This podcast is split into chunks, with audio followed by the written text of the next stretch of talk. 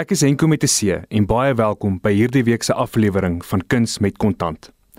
Vandag is die sanger en liedjie-skrywer 'n gevestigde naam met meer as 8 goue en platinum verkoper albums, talle radiotreffers en verskeie musiektoekennings op sy kerfstok. Hy is ook deesdae die trotse eienaar van die kleremaatskappy Belts Clothing en die skrywer van die boek Die stories agter my potlood. Hy en sy vrou het ook onlangs 'n stuk grond in St Helena Bay in die Weskus gekoop waar hy graag eersdaags 'n restaurant wil oopmaak. John Boucher is tans een van die grootste name in die Afrikaanse musiekbedryf met sy splinternuwe enkelsnit getiteld Dogter en bewys hy hiermee weer eens hoekom hy al soveel sukses as musikant bereik het. John, baie welkom op Kuns met Kontant. Henkie met 'n C, wat 'n groot voorreg om jou te gesels vandag. John, dankie dat jy by ons is en jy is die trotse eienaar van 'n kleremaatskappy. Jy wil 'n restaurant oopmaak een van die dae, maar jy is ook 'n trotse pa van 'n dogtertjie. Hoe het pa wees jou denkwyse oor jou persoonlike finansies verander? Baie duur om 'n kleintjie te hê, maar ehm um, dis eintlik priceless want ja, vandag se lewe dink ek jy maak maar die goed net so duur omdat die mammas word so vinnig verkoop aan al die babietjie goed wat uitkom en die die goedjies wat ons moet koop vir jy hy staan al vol van goed. En sy gebruik dit net vir 'n maand of so dan gebruik sy dit glad nie meer nie so dis nog so wonderlik. Ek kan nie vir 'n beter kind gevra het nie. My denkwyse van pa wees is definitief verander en dit is 'n wonderlike tyd vir my lewe. Ek kan nie wag om te sien hoe sy ouer word en wat al die dinge hier saam gaan doen nie.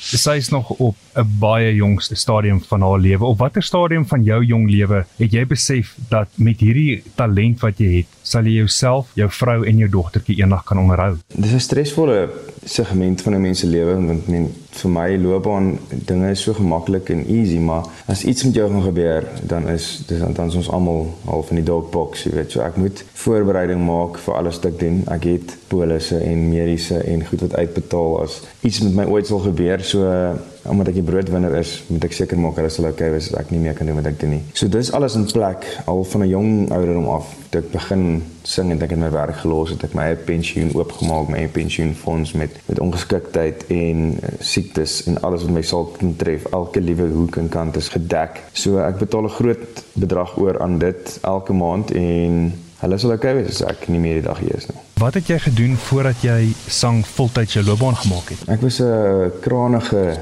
kabelmaker. Ons het kabels gemaak vir Suid-Afrika want die diefstal het so opgetel. Ons het 'n plant gehardloop wat hierdie groot XLPE kabels gemaak het en optic fiber en vir Wi-Fi wat toe nie was daai tyd. So ek het duisende en duisende kilometer kabel gemaak met my hande en met masjiene en forklifts mense wat onder my gewerk het vir 'n rukkie, maar my salaris was baie klein geweest. Ek moes iets anders doen en ek was baie lief vir 'n gitaar op daai stadium. So ek het myself maar geleer oefen en myself geleer probeer sing. Ek het nog nie daai tyd regtig geweet hoe hoe maak jy mense moet begin gitaar speel, moet jy self sing. Ek was baie blessed geweest om dit te kan doen tot vandag toe en dat ek gehelp was uit soveel engele van musiek dat ek hier kan sit en gesels met jou vandag. En nou kan ek sorg vir myself en vir my familie in 'n baie goeie wyse. Want uh, sonder die mense se se ore daar buitekant is ons kunstenaars heeltemal niks. So ons ons is altyd ewig dankbaar vir die vir die fans en die ondersteuners.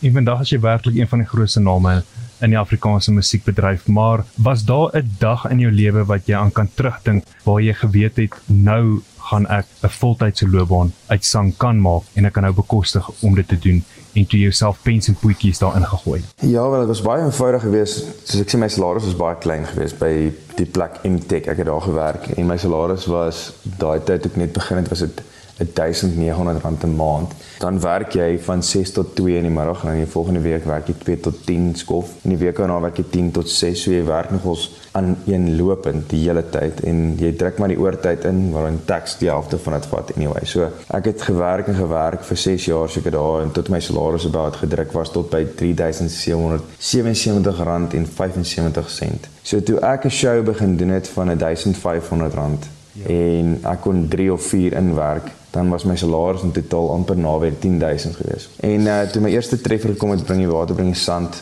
toe kon ek actually my voetjie so klein bietjie opstoot om vir mense te kan vermaak. So dis my 'n eenvoudige finansiële besluit gewees. Vier shows kan doen van 2.500 rand, dan maak ek al klaar 10000 rand wat al klaar amper 6.500 meer as my gewone salaris is. So dit was my baie eenvoudig net om my werk los en hierdie ding volstoom aan te vat en begin sit en skryf met 'n papier en 'n potlood en ek geweet sekere treffe kan raak skryf as ek aanhoudend skryf en skryf en skryf. En jy het nou genoem dat jy moes die potlood en papier optel omdat jy ook lief is daarvoor en is dit ook waar jou boek die stories agter my potlood vandaan kom. Ja, beslis dit is baie mense vra my wie skryf jy liedjies, jy weet. Nou mense kom agter ek skryf al my musiek self. Dit is alles die stories agter daai potlood wat skerp gemaak moet word wat jy kan uitvee op papier as jy 'n woord verkeerd geskryf het of soos vandag toe koop vir my 'n splinternuwe boek, 'n nuwe potlood En sou jy sê dat dit deel is van jou toekomsplanne oor hoe jy jou loopbaan eendag volhoubaar gaan hou, is dit dat jy daardie talent het om ook baie mooi te skryf? Ek weet mense kan vir jou skryf en jy kan regtig 'n treffer by iemand kry of iemand wat skryf, jy kan 'n treffer by iemand koop en dit kan jou vir 'n lang tyd hou. Maar ek dink die magic lê tog by iemand se hart want as iemand na my musiek luister, moet jy weet dis my hart wat gesels met jou hart en dit kom nie van iemand anders af en ek is nie net 'n kanaal waar dit gewerk word nie. So dan gaan sit jy en skryf en ek dis vir my die lekkerste ding om 'n paar boeke voor my te hê en 'n gitaar in my hand en ek skryf net en ek weet as ek klaar is vanaand teen 2:00 die oggend is ek gewoonlik lekker rustig en stil en ek weet hierdie is 'n treffer. Dit gaan 'n treffer word En John, is daar iets wat jy by jou ouers gesien het wat hulle reg gedoen het finansiëel gewys in jou grootword jare wat wat jy voel jy vandag ook self toepas? Ja, wel my ma my pa het baie hard gewerk. Uh, my pa was elektriesien en hy het homself opgegradeer in sy hele lewe tot hy by 'n hoër pos kon uitkom waar hy nou tot by 'n manager geword het by companies en hulle het hom hy was 'n baie harde werker so hulle hulle was agter sy sy vernuf aan die hele tyd. My ma se suster tot vandag toe. Sy is 'n eenheidsbestuurder wat sy net 'n sustertjie was, weet klein en nog jonk en onervare het sy self opgewerk na hierdie hoofsuster van Medikliniek. So ek het baie geleer by hulle dat ehm um, uithou vermoë die antwoord is. Mens moet aanhou en mens moet nooit opgee nie. Hulle het ook nooit wat ek weer baie bly was. In daai tyd was ek baie kwaad want toe ek wou sing toe sê my ma my pa is jy seker jy gaan dit doen want dit is ons kan nie ongelukkig vir jou sorg vir jou res van jou lewe nie. Ons ons kan jou help tot so ver maar ons kan jou nie help om te doen wat jy wil doen nie. En jy gaan self moet reg kry so ek, ek het baie geleer by hulle tot vandag toe.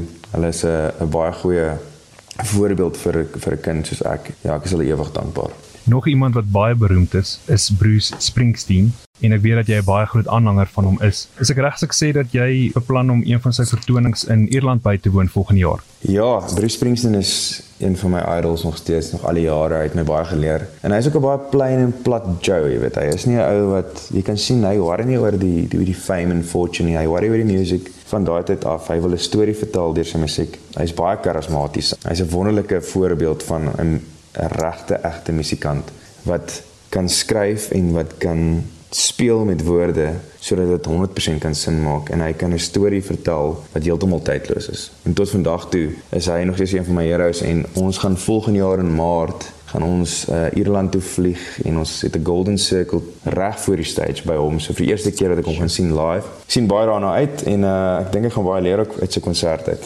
En John, het jy baie borge wat 'n rol speel in jou lewe? Ek het fantastiese borge.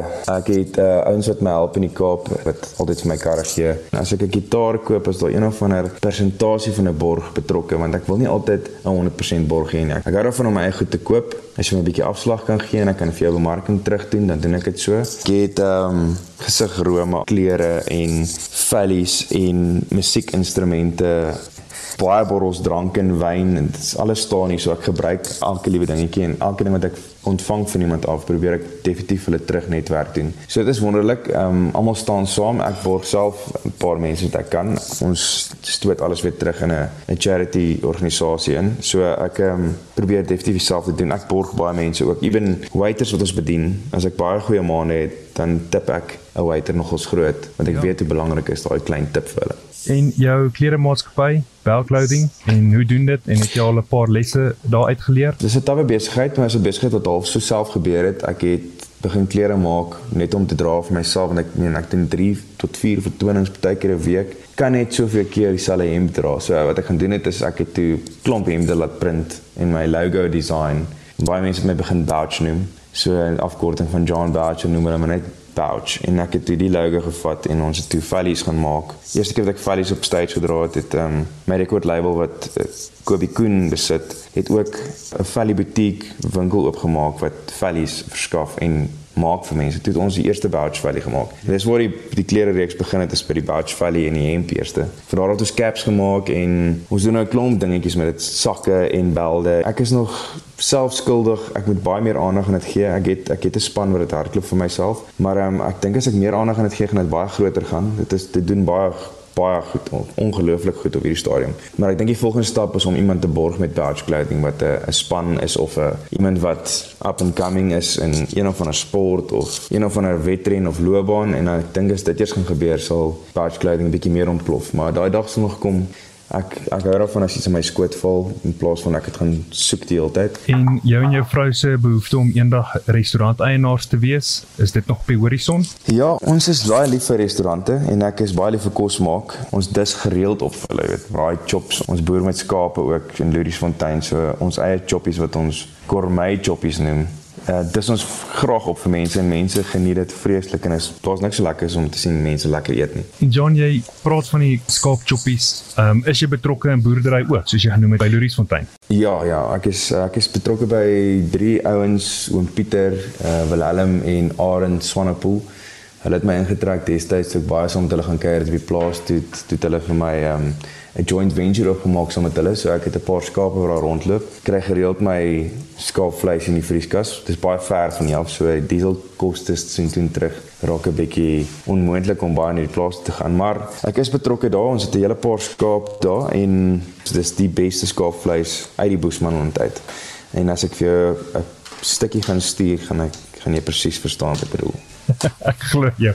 John Belcher, ons sê vir jou baie dankie. Dit was 'n baie groot voorreg om met jou te kon gesels. Baie baie dankie.